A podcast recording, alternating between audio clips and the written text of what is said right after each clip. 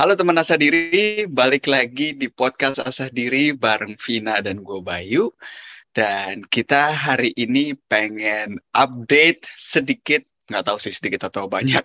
Kita pengen update tentang hidup karena uh, lately Vina sama gue kita berdua sama-sama sibuk, makanya sorry banget buat teman-teman yang mungkin udah nunggu podcast um, Asa Diri dan kita juga belum sempat bikin update um, gimana uh, asa diri bakal ke depannya tentang podcast dan juga tentang workshop-workshop tentang mindfulness. Um, pokoknya kita uh, di sini berusaha untuk memberikan yang terbaik dan this is it. Ini adalah checkpoint kita selanjutnya di mana kita pengen sharing sama lo semua.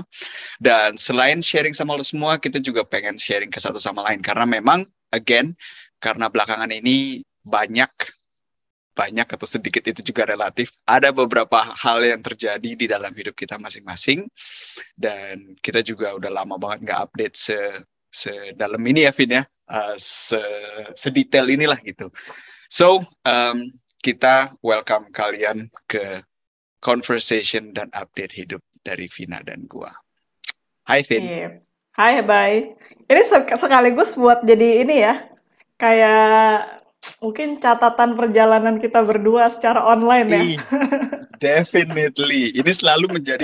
Lo inget gak? Kita tuh awal tuh juga uh, bukan hanya atau misi kita ya. Salah satunya kan tentunya kita pengen menyebarkan mindfulness keluar, tapi on the on the other side, di mana kita uh, mikirin tentang misi yang egois, misi yang untuk kita sendiri, kita juga pengen menggunakan platform ini untuk menjadi dokumentasi ya, dokumentasi hmm. hidup kita, perkembangan kita dan evol evolusi kita, evolusi pikiran-pikiran kita. Hmm. So yes, this is it.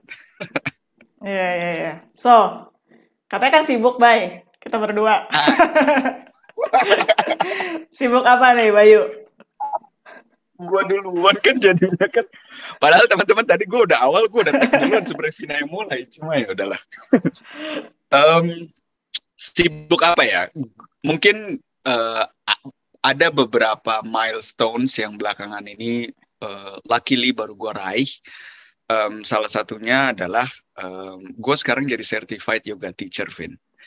Um, jadi it's it's it's crazy man. Um, gue um, bulan bulan apa ya bulan Mei akhir bulan Mei itu sekarang kita tengah Juli ya akhir bulan Mei itu salah awal bulan Mei itu gua ke India buat ngambil yoga teacher training. Nah uh, desisi ke India itu sendiri sebenarnya hmm, gimana ya? Satu aksi atau satu act dari gua sendiri untuk memperbolehkan diri gua mencoba sesuatu yang baru, memperbolehkan diri gua untuk ber bukan berinvestasi menginvestasi mengeluarkan investasi ke diri gue sendiri karena um, it was buat gue it was a little bit costly uh, tapi again gue ini juga salah satu proses gue untuk merubah money mindset gue di mana nah we talk about this already. Gue nggak mau kayak yang oh ini duit mesti gue simpen dan harus terus berkembang biak tapi memang ada momen-momen di mana gue ingin mengeluarkan investasi untuk diri gue sendiri dan bukan uh, di hal-hal material. Um, yeah, so gue ke India untuk ngelakuin yoga teacher training. Um, that was intense. intense in a sense, um, gue to be honest, gue sama sekali nggak research sebelumnya dan uh, untuk indie kenapa juga gue pengen ikut yoga? Uh, shout out buat Mina. Gue tahu lo nggak dengerin tapi lo yang menyebarkan bibit-bibit yoga buat gue um, ide di belakangnya adalah dengan mindfulness dengan tema mindfulness yang kita bawa yang kita berusaha untuk share uh, dari dari level intelektual gitu ya dengan semua knowledge yang kita kasih dan kita juga selalu share hey jadiin momen ini di mana lu sekarang mendapatkan informasi dan knowledge yang baru, bawa knowledge ini ke level um, experience. Lu coba sendiri, jalanin dan lihat apa yang terjadi di lu. Hmm. Dan dengan yoga ini, intensi gue adalah untuk uh, masuk ke level experience, tapi bukan dari segi intelektual, melainkan dari segi embodiment di mana gue melakukan ya yoga practices itulah. Dan ya, I mean, gue nggak ada ekspektasi sama sekali. Ya, sebenarnya ada ekspektasi. Gue ekspektasi sebenarnya untuk belajar poses, gimana cara gue nanti bisa ngajar jadi guru yoga. But apa yang gue dapetin di sana itu, hmm, Berapa hari, Bay? Mungkin lu bisa uh, share. Totalnya itu tiga setengah minggu atau empat minggu intensif dia programnya. Jadi kita start yoga practice yang pertama tuh jam 6.30 pagi sampai jam 18 malam dan kadang-kadang ada opsional kelas malam juga jam 8 malam dan itu tiga setengah minggu totalnya. Hmm. Mungkin kan ada yang ada yang tertarik juga karena di Indo kan juga emang um, apa ya yoga, pilates itu belakangan kan emang juga lagi banyak ya. Kalau hmm. emang ada yang pengen kayak lu nih ke India, um, itu lu perlu basic yoga nggak sih baik ke sana? Apa semua orang tuh basically bisa ke sana buat dapetin sertifikat itu? Hmm.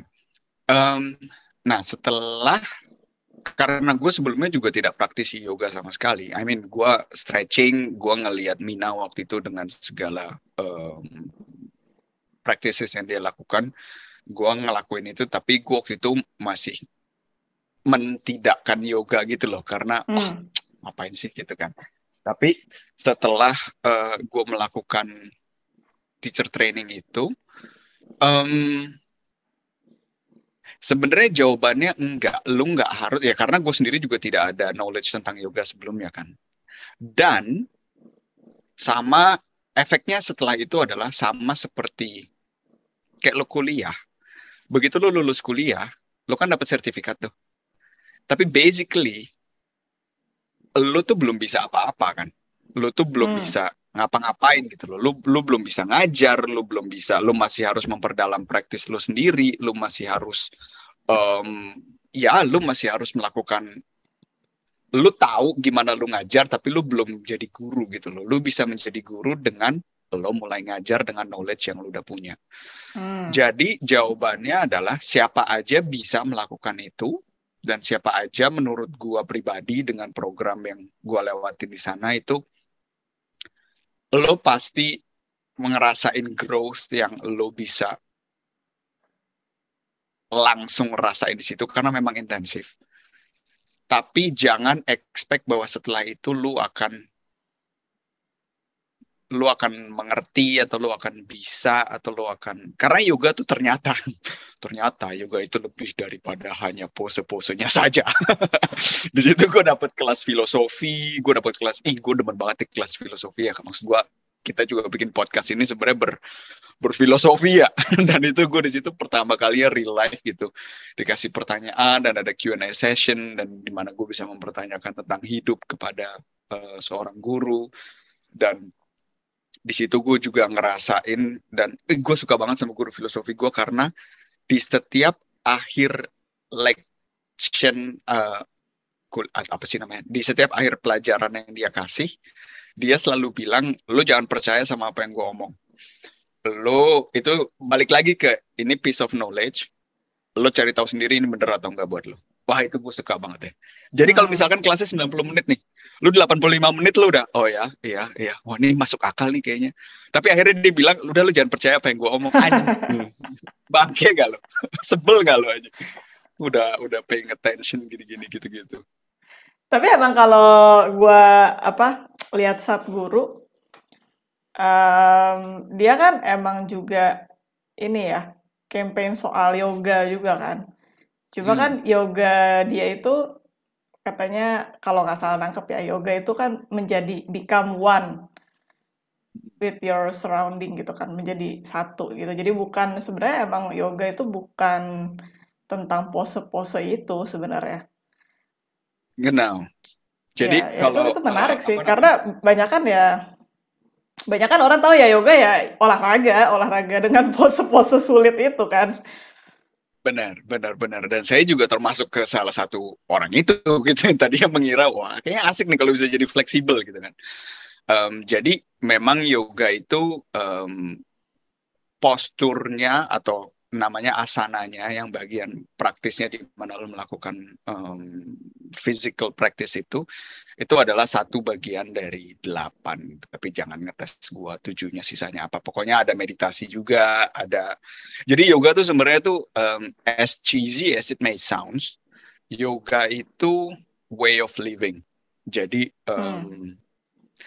lebih dari situ. Kayak ada salah satunya adalah um, misalkan ahimsa. Ahimsa itu adalah the non-violence. Jadi di mana lo kalau kalau lo mengejalanin jalan yoga ya lo gak non-violence bukan hanya ke dunia luar tapi lo juga non-violence ke diri lo sendiri which hmm. kalau di dalam interpretasi gue itu adalah self love you know self patience and everything dan uh, mungkin satu hal yang pengen gue tambahin adalah mm, awal titik di mana gue mendalami dunia atau personal development atau spirituality ini kan vipassana ya. Dan gue itu tadinya sempat ada kayak pertanyaan, wah ini gimana nih nantinya gue kayaknya harus milih vipassana atau yoga atau apa gitu ya. Kayak harus either or gitu loh. Dan yang gue dapetin dari situ adalah hmm, itu urgency satu sama lain. Itu mengkom complementary satu sama lain. Jadi bukan either on, tapi lebih ke and. Hmm. Dalam artian vipassana di dalam pengertian dan experience gua, vipassana itu di mana lu tidak melakukan apa-apa dan lu hanya observe diri lu sendiri. Itu udah yang paling itu udah udah yang paling pure lah. Lu udah nggak manifestasi masa depan, lu nggak menyembuhkan luka masa lalu, lu udah nggak usah ngerti, lu nggak udah lu nggak usah seliweran kiri kanan ke past and present gitu. Eh past and future itu udah paling udah paling um, pure dan nggak ada orang yang beralasan oh gue nggak bisa vipassana sebenarnya nggak ada gitu loh. Karena lo nggak harus melakukan apa-apa lo cuma harus duduk dan mengamati saja.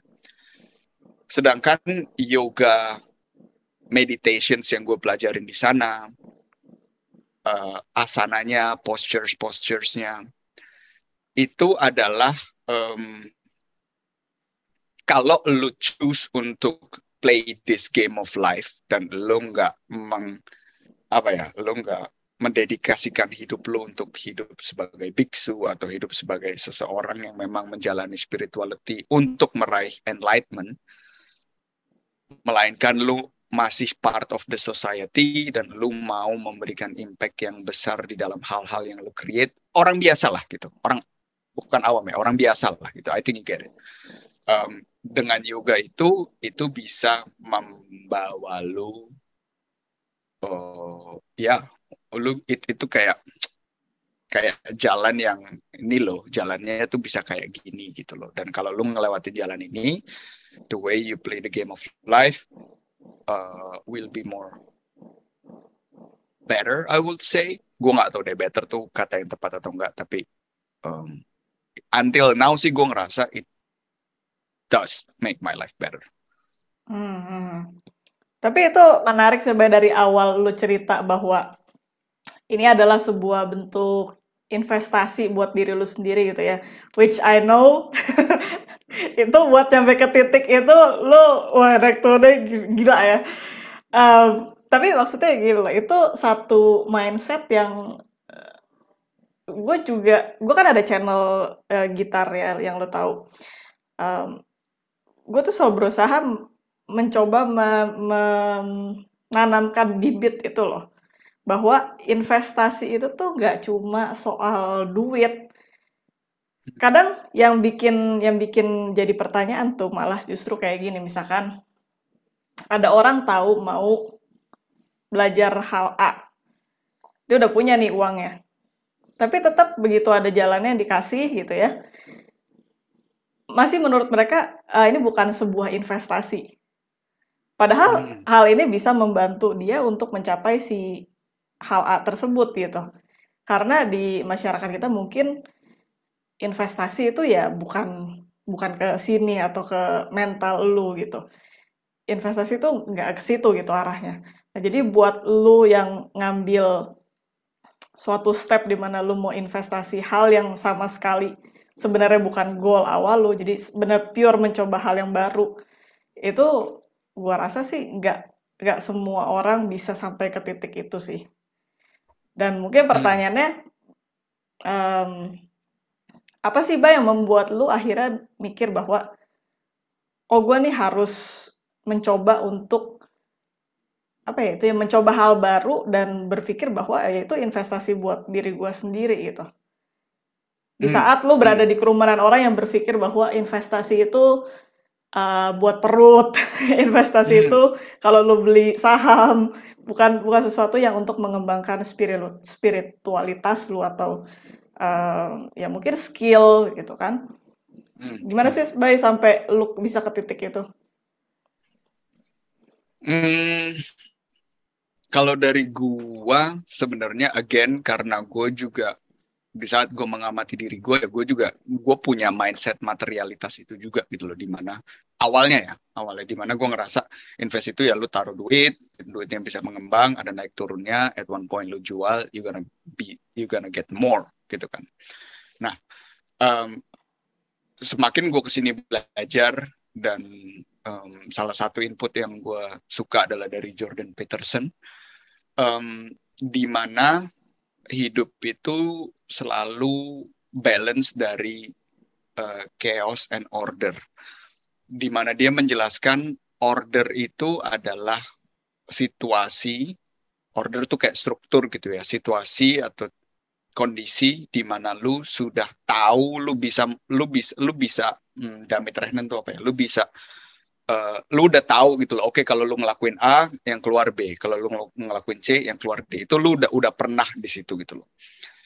Nah, kalau lu satu lagi, penjelasan yang satu lagi dulu. Sedangkan chaos adalah buat dia chaos itu adalah simbol ke situasi yang lo belum tahu sebelumnya. Lo nggak tahu apa-apa sehingga lo nggak tahu kayak kalau dia ngasih contohnya kalau misalkan lo ngasih um, lu pindah rumah terus lu bawa kucing tuh kucing pasti dua hari sebelumnya tuh di kolong tempat tidur dulu karena dia nggak tahu areanya kan dia nggak tahu areanya apakah ada makhluk yang bakal makan kucing atau enggak itu contoh dari dia. Nah terlalu banyak order itu akan menyebabkan stagnansi di mana hmm. lu tidak berkembang karena kalau kita sambungin ke Joe Dispenza ya lo akan ngelakuin apa yang udah lo tahu aja ya udah lo akan hmm. repeat repeat repeat repeat repeat. Lo bangun program akan, gitu kan? Itu udah jadi program lo aja gitu itu kalau sambungin ke Joe Dispenza kalau sambungin ke kosakata yang kita sering dengar ya itu akan menjadi comfort zone lo belum tentu baik tapi itu comfortable karena lo udah tahu. Itu kalau terlalu banyak or, uh, order. Karena terlalu banyak chaos kalau lu uh, semuanya di dalam hidup lu adalah um, satu hal yang lu nggak tahu gitu ya, lu nggak tahu lu mesti kayak gimana. High probability lu akan menjadi super anxious karena lu akan masuk ke level fight or flight karena lu takut akan apa yang mungkin bisa terjadi. Dan karena kita seorang atau human being adalah makhluk eh, biologis yang dari segi evolusi dulu. Dulu juga kalau kita nggak berhati-hati ya berarti kita bisa diserang dari sama harimau dari belakang ya kan? Nah itu kan masih ada tuh di sistem kita. Sehingga kalau terlalu banyak chaos pun itu akan menyebabkan lo paralyzed. Nah gimana nih nyeimbangin ini dua? Dari buat nyambungin ke pertanyaan lo jadi apa yang menyebabkan gue untuk uh, berani mencoba hal baru atau uh, mau memperluas horizon horizon lah ya. Di situ gue menyadari bahwa hmm, kalau kalau nih ya ekonomi crash, gue tiba-tiba dari harus mulai dari nol lagi, semua tabungan gue hilang, semua amit-amit, amit-amit. Tapi kalau semuanya itu terjadi, yang gue punya itu kan cuma gue sendiri. Gue, mindset gue, etos kerja gue, kacamata yang gue pakai, dan gimana gue melihat dunia, apakah gue melihat akan kesempatan-kesempatan yang bisa ada di dalam kondisi tersini atau gue akan mencari ke alasan-alasan untuk memberikan justifikasi kenapa gue sekarang menjadi korban. Itu kan semua kan internal, itu kan semua gue gitu loh. Hmm. Nah, sehingga di situ gue sadar, ah oke, okay. sebenarnya investasi yang paling masuk akal itu adalah investasi ke diri gue sendiri. Dari situ gue baru mengerti, ah oke, okay. jadi bahkan berinvestasi di hal yang material pun itu sebenarnya udah layer yang kedua. Layer yang pertamanya adalah gua berani mengambil resiko yang sudah gua hitung, tapi tentunya tetap ada risiko untuk bisa mendapatkan uh, reward yang eventual eventually lebih besar dari kayak gua kan kalau naruh duit kan duit itu udah nggak bisa gua pakai lagi dan ada kemungkinan duit itu jatuh, tapi gue tunggu sampai di masa depan gue bisa mendapatkan reward yang lebih tinggi, ya kan? Hmm. Itu itu sama sama sama kayak yang sekarang. Jadi gue sekarang mengeluarkan mengeluarkan uang untuk belajar yoga. Belajar yoganya dan apa yang gue dapetin di sana itu sebenarnya layer yang kedua. Layer yang pertamanya adalah Bayu punya mindset siap untuk memberikan investasi kepada dirinya tanpa merasakan efeknya secara langsung saat ini. Hmm. Ngerti nggak? Jadi itu Hmm. tetap tetap meta of meta levelnya adalah ya gua um, gua pengen balancing chaos dan order itu di dalam hidup gua. I don't know if that makes sense. Hmm. Mungkin lu nggak pengen lu trap ke balik lagi ke tadi ke money mindset lu itu ya yang sehingga membuat lu stagnan gak gerak ke mana-mana akhirnya. Ya, ya, benar. Eh, Dan salah satu uh, North Star yang gue yang gue pilih adalah gue pengen uh, mendapatkan income dari hal-hal yang gue cintai, dari hal-hal yang I'm good at, dari hal-hal ikigai lah, dari hal-hal di mana gue bisa membantu orang lain dan gue bisa dibayar untuk itu juga gitu. Dan gue melihat, I mean, lu tau gue, gue orangnya pecicilan banget kan. Dan Hmm. dari pemikiran gue adalah oke okay, yoga berarti gue bisa teaching gue bisa share tentang filosofinya juga dan gue bisa ngajar which I love already through dancing gue udah ada pengalaman so it everything was just like make sense on the paper Hmm. and on the other side di mana gue memperbolehkan diri gue untuk ya udah ini leap of faith gitu loh percaya percaya menghitung lalu percaya setelahnya Hmm. Hmm. hmm. Ya gitu ya ya. Seru ya berarti ya dari bulan Mei seru kemarin. Ya, ya. Itu itu sa- itu salah satu salah satu ini yang apa ya ini yang ex- experience yang gila banget sih karena um, mungkin satu tema lagi and then I would love to jump to you because I've been talking for a while now. um, di situ gua I mean kita udah pernah kita sering ngobrol juga tentang inner child Evin ya. Hmm. Kita udah ngobrol tentang inner child dan di dalam jangka waktu sebulan itu gua finally merasakan atau kayak nyerap pengertian gua tentang inner child, Bayu yang kecil, luka-luka yang mungkin terjadi di masa lalu. Di situ gue merasakan itu dan bisa mengamatinya dari dari dari perspektif burung bird view gitu. Jadi di situ gue um, hmm, gimana ya ceritanya? Let's say kayak gini. Um, di si di situ ada di situ ada satu cewek ya yang Hmm. uh, menurut gua oh ini cewek menarik nih gitu ya Hmm. Uh, atraktif atraktif I was Hmm. attracted to her nah dari kondisi seperti itu gua kebentrok sama satu rasa yaitu rasa cemburu cemburu Akan? kenapa cemburu cemburu karena di, setiap kali dia berinteraksi dengan orang lain, laki-laki yang di Hmm. mata gua, gua melihatnya secara tidak sadar ternyata atau sadar gua juga nggak tahu. Eh, gua melihatnya, wah ini cowok kayaknya lebih daripada gua, lebih Hmm. muncullah insecurities insecurities lebih tinggi, lebih ganteng, lebih ini, lebih itu, lebih jago, lebih whatever it is lah. Nah, Hmm.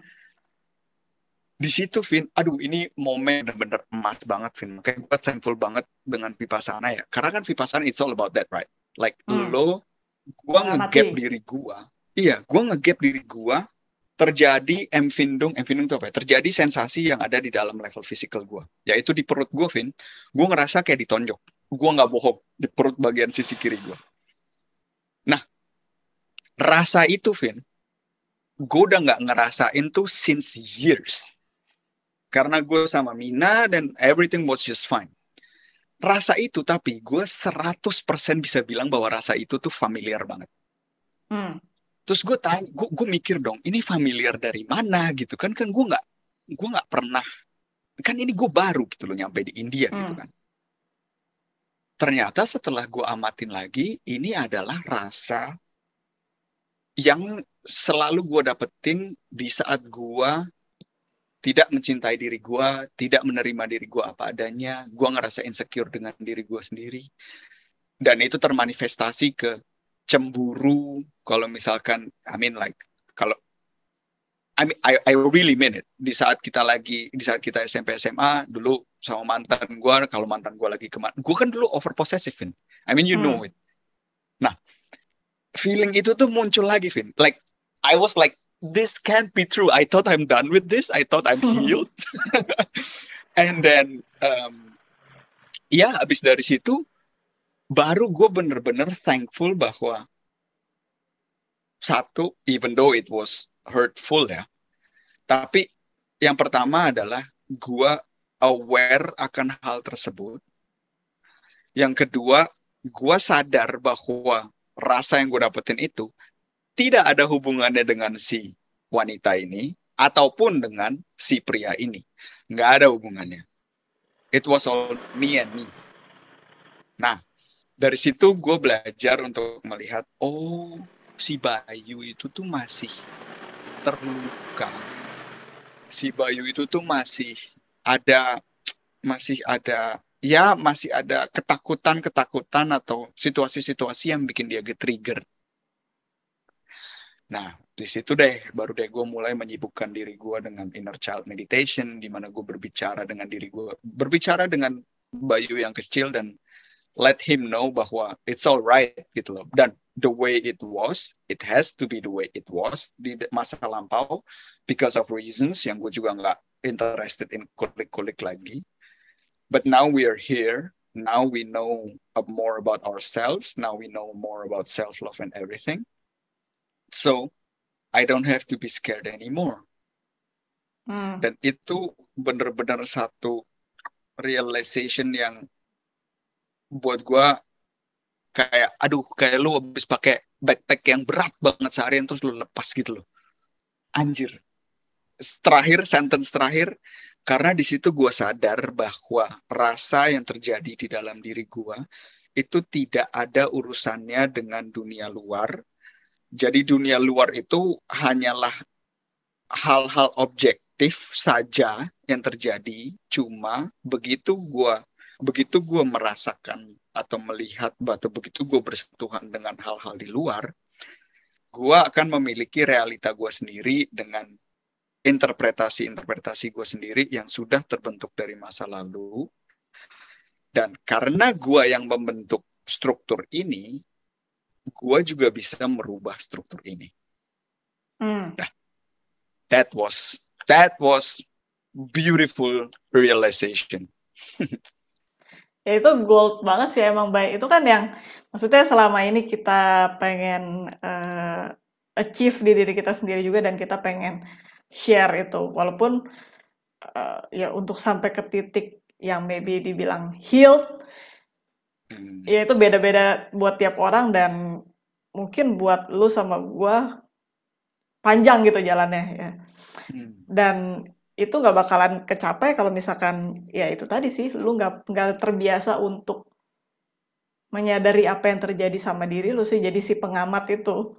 Hmm. Dan itu sih menurut gua coba ya semua orang bisa mempraktekkan itu gitu. Kayak si si Louis Host dia bilang mungkin kalau di bahasa dia dia pakai katanya terapi gitu terapi itu dia bilang semestinya buat semua orang bukan karena kita ini ada yang damage di diri kita tapi cuma buat realize aja apa sih yang apa sih yang terjadi kalau misalnya kita berhadapan dengan situasi A, B atau C gitu.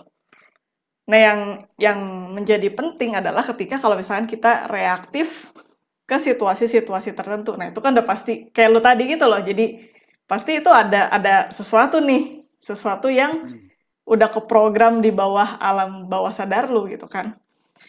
Dan ya kalau gua gak tau sih gua lupa gua udah pernah cerita belum ya yang di podcast terakhir yang soal gua konfront bukan konfront in a bad way ya, konfront uh, bonyok gua soal apa yang gue rasain terhadap hmm, belum, mereka. Belum nah itu kan juga uh, one of uh, my inner child trauma maybe you can say ya. Tapi trauma di sini bukan dalam arti hal yang buruk gitu. Cuma ada setelah gue tilik ke belakang memang ada beberapa hal yang menjadi reaktif di diri gue ketika gue berhadapan dengan situasi-situasi tertentu gitu. Nah, itu perlu lama juga tuh Bay buat realize itu gitu kan. Karena selama um, mungkin bisa dibilang 28 tahun sampai gue akhirnya kenal mindfulness, itu gue cuma taunya oh ya udah gue reaktif. Emang situasi ini nggak enak aja gue nggak suka sama situasi kayak gini gitu.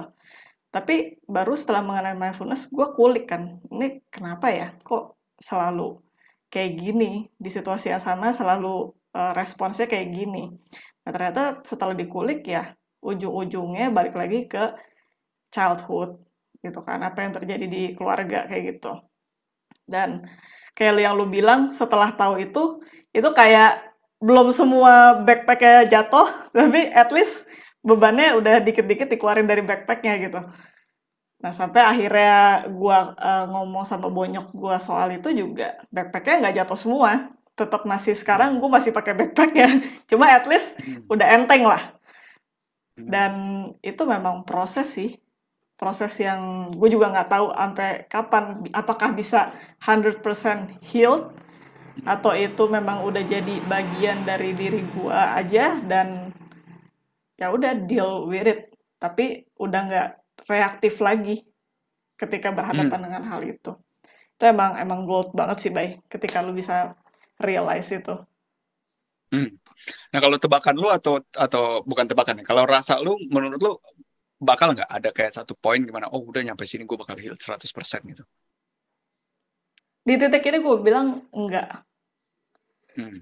Karena um, mungkin kalau kalau dibandingin secara logika aja ya 28 tahun gue ya mungkin nggak 28 tahun gue membawa perasaan itulah. Maybe let's say kayak belasan tahun Terus gue baru mencoba untuk proses healing ini beberapa beberapa tahun belakangan itu kan masih proporsinya kan masih jauh gitu loh.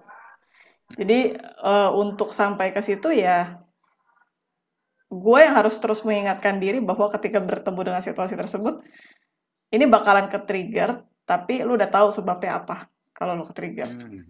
dan lu bisa bisa create respons yang lain dibanding respons reaktif. Hmm.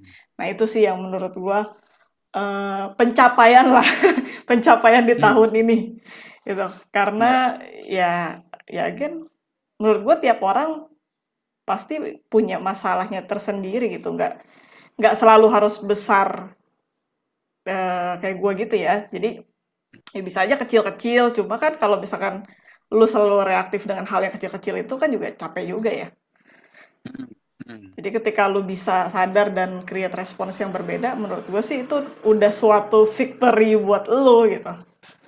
Definitely. Dan gue juga dua thoughts yang sekarang muncul ke permukaan. Yang pertama, gue juga gue juga de, gue juga setuju sama lo di poin ini. Gue juga nggak gue juga nggak nggak mengharapkan atau nggak nggak bakal sadar kayak nggak nggak bakal kita kayak 100% healed udah nggak muncul-muncul lagi hmm. tuh kayaknya sih nggak juga nggak percaya. Gue gambar yang ada di kepala gue tuh kayak sistem Jepang ini lo, lo tau gak sih yang dia bilang kalau mangkok pecah, mangkoknya lu bisa sembuhin lagi dengan uh, wristnya retakannya tuh lu taruh gold gitu kan ya, lu taruh hmm. gold. Jadi sehingga bahkan itu bakal lebih worthful, bakal lebih bernilai daripada mangkok sebelumnya. Tapi tetap lo akan lihat bahwa mangkok ini udah pernah pecah sebelumnya gitu loh. Hmm. Meskipun sekarang airnya udah nggak bocor lagi, tapi ini mangkok udah pernah pecah gitu. Dan I think I think that's gonna be like that. Dan the second thing also uh, gue juga ngerasa bahwa luka-luka atau apa pun yang terjadi itu ya di setiap orang gitu ya. Sebenarnya nggak ada yang kecil atau gede Vin karena satu hal yang kecil menurut gue salah. Satu hal yang kecil menurut orang lain tentang gue buat gue pribadi tuh kemungkinan my whole life is only about that you know what I'm saying? Yeah, yeah, yeah.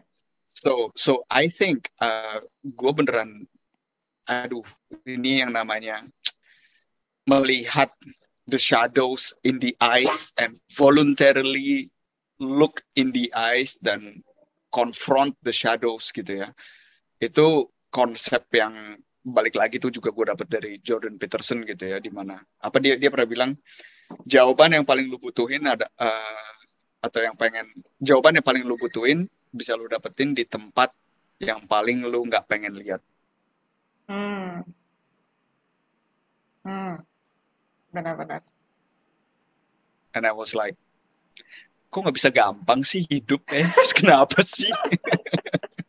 Tapi tapi uh, the beauty itu justru ini loh baik nggak tau ya lu merasakan juga apa nggak? Di saat lu sudah bisa realize gitu ya lu punya satu luka gitu. Dan mungkin lu udah tahu spesifik ini luka berasal dari mungkin seseorang yang spesifik atau sesuatu yang spesifik.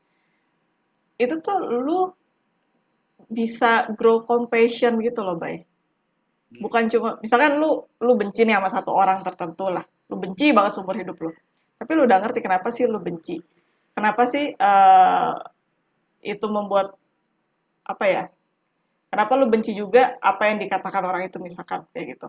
Dan lu jadi jadi bisa memperluas uh, perspektif lu bahwa contohnya misalkan ya mungkin dia juga berada di posisi yang gak enak atau mungkin lu bisa berpikir bahwa semua orang itu yang ada yang perfect lu nggak bisa membuat semua orang senang tindakan lu mungkin nggak menyenangkan juga buat semua orang gitu kan.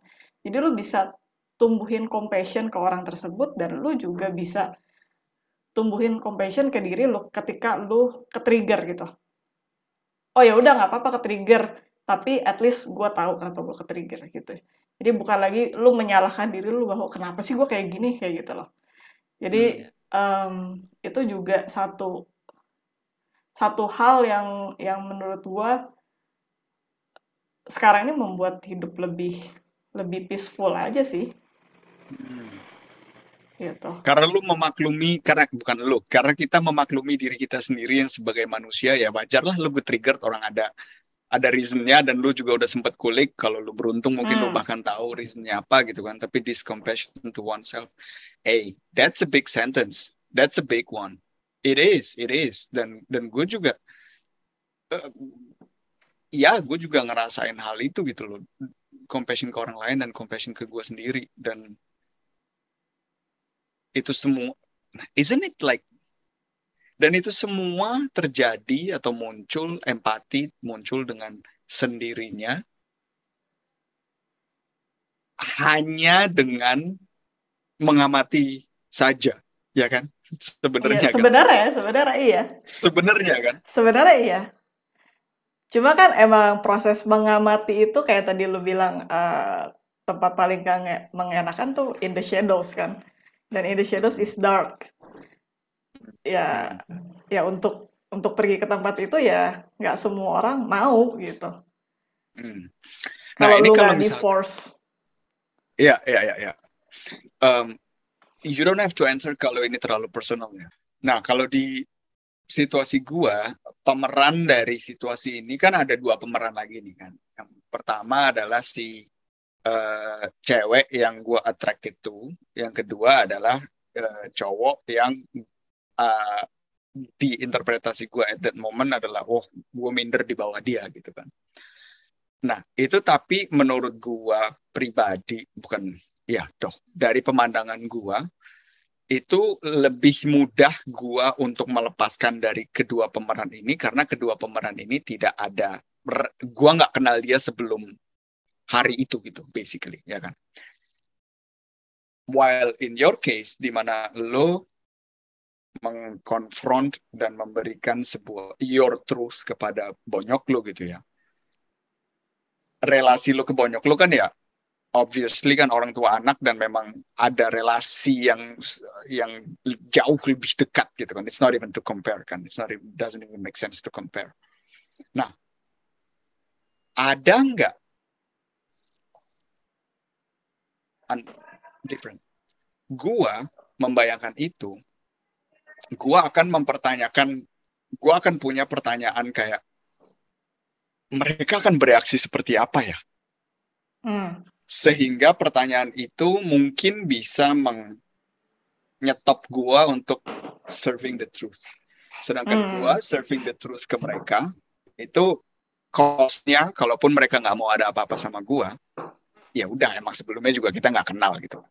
Nah, hmm. kalau di lu kayak gimana proses? Ada nggak pikiran kayak gitu dan prosesnya bagaimana sehingga lu tetap bisa choose like to serve your truth? Hmm. Ada banget sih, Bay. Ya bayangin aja kayak ya mungkin balik lagi tadi ke, uh, perumpamaan kalau lu bawa backpack ya. Let's say lu lu punya satu backpack, uh, favorit ini, lu lu bawa terus-menerus selama hidup lu, lu pakai backpack itu terus gitu. Ketika, um, lu punya risk bahwa itu akan rusak atau hilang, itu kan pasti ada suatu hal yang bikin lu anxious di dalam diri lu gitu kan. Nah, gua selama hidup itu kan, ya kalau di Indonesia kan kita tinggal sama orang tua sampai menikah ya. Hmm. Itu kan udah jadi lu suka nggak suka mereka adalah part of your life gitu loh. Lu lu tiap hari ngelihat mereka gitu. Uh, tiap hari ya makan bareng atau mungkin tiap hari ya at least ketemu tatap muka gitu kan dan ketika lu harus mengatakan sesuatu yang mungkin the truth for me yang menurut gua itu adalah sesuatu yang uh, sejujur-jujurnya tapi mereka menanggapinya mungkin nanti uh, tidak baik gitu atau dianggap gua kurang ajar di mana di Indonesia masih di masih ada kultur seperti itu kan ya tentunya ada waktu itu sebelum gua ngomong gue sudah ada juga pikiran itu yang masuk gitu tapi again karena mungkin gue di tahap itu sudah uh, apa ya? Bukan capek sih bilangnya. Mungkin gue udah decide bahwa gue nggak bisa keep ini lagi gitu. Gue nggak bisa keep backpack yang berat ini lagi gitu. Jadi gue decide ya apa pun yang uh, apa pun resultnya nanti dari sisi satunya ya udah yang penting gue udah bisa melepaskan beban di backpack gue dulu. Jadi emang waktu itu ya ke sana jadi egois ya. Tapi kan sebenarnya hmm, kalau selama ini gue pelajari ya, lu harus mencintai diri lu sendiri dulu dibanding orang lain gitu. Jadi waktu itu ya itu yang gue pilih. Apa pun resikonya ya gue udah udah kasih yang sejujur-jujur ya gitu. Dan mungkin juga waktu itu gue decide bahwa cara penyampaiannya pun harus uh, disesuaikan lah gitu. Lu kan ngomong kebenaran dari diri lu, ya lu nggak bisa seenak-enaknya gitu lah. Lu harus harus lihat-lihat juga kan, lu berhadapan dengan siapa gitu. Kalau lu nyampeinnya udah nggak enak dengan kata-kata yang mungkin bikin reaktif ya akhirnya juga pasti kan lu mau harap apa sih resultnya? Gitu. Jadi uh, eh, gue waktu itu udah coba plan se dengan kata-kata yang se polite mungkin mungkin bisa dibilang kayak gitu. Sesopan mungkin yang yang mungkin bisa diterima oleh generasi mereka. Jadi ya but at the end ya nggak ada yang reaktif sih dari dari sisi uh, banyak gua gitu. Cuman memang gua nggak bisa cerita detailnya cuma memang um, mungkin karena kultur Asia juga di mana kita tidak biasa berkomunikasi jadinya ya kayak mandek aja gitu. Ya gue menyampaikan tapi akhirnya mandek aja gitu nggak ada nggak ada timbal baliknya. Cuma at least gue merasakan suatu perubahan sih sampai sekarang perubahan yang membuat uh, hubungan gue juga lebih baik dengan mereka dan gue pun juga menjalani hidup bisa lebih damai um, ya itu sih menurut gue udah udah suatu step yang besar gitu dibandingkan dengan hmm. apa yang gue jalani sebelumnya Gitu sih. Iya, iya, iya. Wow. dan timbal baliknya I mean timbal balik yang nggak ada itu mungkin yang lo maksud juga bukan mungkin yang lo maksud benar nggak interpretasi gue bahwa yang lo maksud adalah nggak ada timbal balik dalam segi verbal gitu kan ya, maksudnya ya, dalam ya. dalam artian kita Ya, ya, ya. tapi kan tapi eh, apa yang terjadi di dalam diri atau no perubahan-perubahannya kan itu kan adalah salah satu mungkin juga salah satu dari uh, efek ripple efek dari lo surfing your truth gitu kan and I mean like Hmm, hmm. Vin I mean I told you this before already I mean like hood up gitu ya benar-benar respect I mean karena itu menurut ya menurut gua atau menurut gimana ya? Iya sih. Menurut gua itu salah satu I mean like loving oneself and then have you and, and that means you have to build boundaries to your own family. Hmm. itu itu itu udah contoh yang textbook banget gitu loh di yang hardest let's say like hardest example. Ngerti nggak lo? Di mana lo Eh, lo harus memilih diri lo dan um, bikin sound ke untuk make sure well being lo dan ke depannya itu akan akan lebih baik dan soundnya ini me, me- separate lo atau bukan enggak harus separate sih bahkan lebih sering bahkan setelahnya kondisinya akan lebih merekat gitu kan. Tapi kan butuh waktu tapi dan dan imajinasi kita kan goes wild gitu kan. Oh anjir what if gitu kan. Hmm. what if oh, ternyata neraka itu ada dan saya sekarang durhaka dan saya masuk ke neraka nanti. I don't know. That was just like just dumb joke. But I think you get what I'm saying. Dan itu ini sih apa namanya it's it's a it's a boss move buat lo sendiri dan gue juga as I said to you before already like gue percaya bahwa ya itu itu being authentic to oneself and having the courage to say and live one's truth Hmm. Ya mungkin kalau gue ngebayangin sih mungkin kalau misalkan situasi ini ada di negara lain mungkin nggak sampai gue nggak sampai semikir itu ya buat ngomong sama bonyok ya. Cuma mungkin karena again di di Indonesia buat ngomong hal seperti kayak apa sih yang yang si anak rasain? kayak gitu. Itu suatu hal yang awkward gitu loh. Bukan ta bukan tabu cuma awkward gitu. Dan dan kesannya tuh kalau di Asia mungkin ya anak tuh akan selalu menjadi anak gitu.